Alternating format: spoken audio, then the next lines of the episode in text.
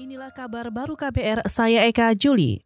Tim investigasi kemanusiaan Duga Papua meminta pemerintah untuk menarik pasukan TNI dan Polri dari wilayah itu karena dianggap meresahkan dan membuat warga ketakutan. Anggota tim investigasi kemanusiaan Duga, Theo Hesegem, meminta Presiden Joko Widodo untuk menarik pasukan TNI dan Polri dari Nduga agar bantuan kepada pengungsi konflik sosial di sana segera disalurkan. Pemerintah daerah sebagai kaki tangan pemerintah, presiden, itu sudah disampaikan komitmennya untuk penarikan pasukan. Jadi gereja menyampaikan penarikan pasukan, DPR menyampaikan penarikan pasukan, gubernur sudah menyampaikan penarikan pasukan, kemudian LSM sudah menyampaikan penarikan pasukan. Jadi saya pikir di basis bawah itu sudah minta kepada uh, presiden untuk menarik pasukan.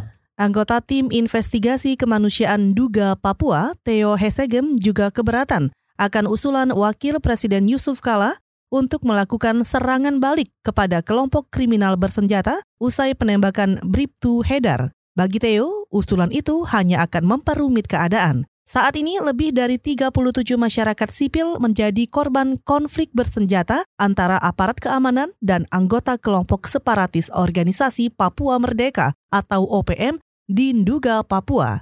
Korban yang mengungsi belum mendapatkan bantuan yang layak dari pemerintah. Kepala Staf Kepresidenan Muldoko mengatakan wacana menghadirkan rektor asing di perguruan tinggi Indonesia adalah untuk meningkatkan daya saing. Menurut Muldoko, pemerintah ingin meningkatkan kualitas rektor yang ada saat ini dengan persaingan bersama rektor asing. Selain itu, mengimpor rektor asing lebih efisien dalam mempercepat kualitas pendidikan. Untuk itu maknai bahwa ya upaya untuk menghadirkan rektor asing itu dalam rangka upaya kompetitiveness, membangun sebuah kompetisi global, nggak ada tujuan yang lain ya. Kalau nanti rektor-rektor itu yang kita ya ternyata ada sebelahnya ada rektor asing yang ada di sini, maka akan malu itu kalau kalah dengan rektor asing. Tujuannya itu. Kepala Staf Kepresidenan Muldoko menambahkan, kantornya telah berkomunikasi dengan Menteri Riset Teknologi dan Perguruan Tinggi agar bisa memulai penerapan itu di beberapa universitas swasta. Muldoko juga meminta kementerian untuk melakukan kerjasama menghadirkan rektor-rektor dari Asia.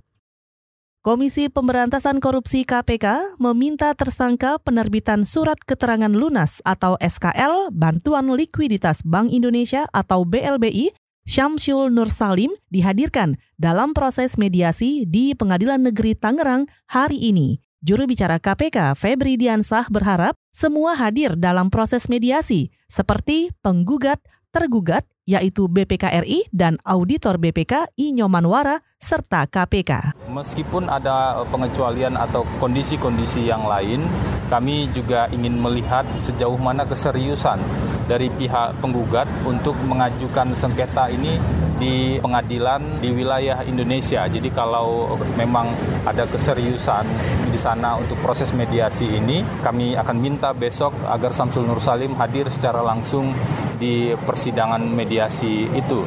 Nah, tahap-tahap berikutnya tentu akan kita jalani. Juru bicara KPK Febri Diansah menambahkan, pada sidang sela yang diajukan Syamsul Nur Salim, Majelis Hakim mengabulkan permohonan KPK untuk menjadi pihak ketiga yang berkepentingan. Selain itu, dalam pertimbangan di putusan sela, Majelis Hakim juga mempertimbangkan KPK masih melakukan penyidikan dengan tersangka Syamsul Nur Salim dan Icih Nur Salim. Saudara, demikian kabar baru. Saya Eka Juli.